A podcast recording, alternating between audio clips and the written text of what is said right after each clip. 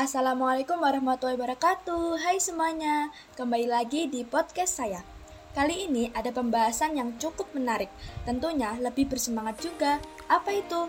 Ya, saya akan membahas tentang Sumpah Pemuda Nah, kemarin kan sudah diberi tugas sama Pak Subhan Dan ada sedikit cuplikan tentang sejarah Sumpah Pemuda setelah saya baca dan saya pahami, saya mendapatkan tiga poin dari sejarah singkat itu. Di antaranya yaitu 1. Sumpah Pemuda merupakan sejarah yang mengarahkan Indonesia kepada kemerdekaan. Yang kedua, Sumpah Pemuda menjadi salah satu cara untuk mengedukasi para pemuda agar tidak terpengaruh oleh jajahan negara asing. Dan yang ketiga, selama dua tahun kemerdekaan, Belanda masih tetap merebut kembali untuk menguasai Indonesia dan dari permasalahan pada saat itu dapat mendorong para pemuda untuk mendirikan organisasi-organisasi untuk mempertahankan Indonesia.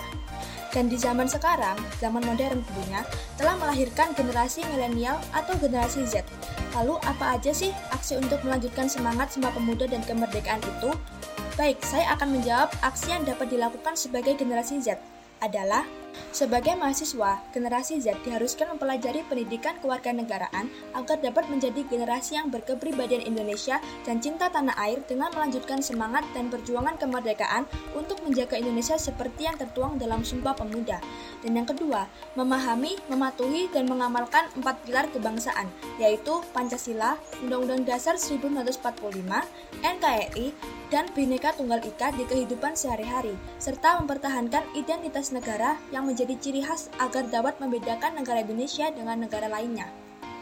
Dan yang ketiga, ikut berpartisipasi dalam politik, seperti ikut memilih pada saat pemilu, dan berani menyuarakan pendapat atau mewujudkan keadilan ketika ada sistem pemerintahan yang tidak benar atau menyimpang dari Pancasila dan Undang-Undang Dasar 1945. Nah, kemudian ada topik berita yang menarik nih tentang unjuk rasa. Kalian pasti sudah membacanya kan?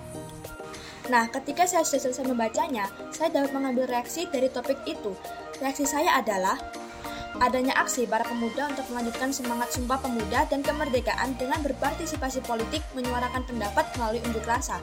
Kemudian, tidak terlaksananya hak warga negara, salah satunya hak kebebasan dalam menyuarakan pendapat, karena mereka yang berunjuk rasa disekat polisi hanya boleh menyampaikan di depan patung Arjuna. Kemudian, gagal dalam memberikan jaminan perlindungan, hukum, serta penyelesaian terhadap kasus hak asasi manusia masa lalu.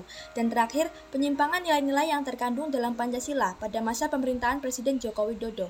Oke, sekian dari podcast saya. Terima kasih. Mohon maaf apabila ada salah. Wassalamualaikum warahmatullahi wabarakatuh.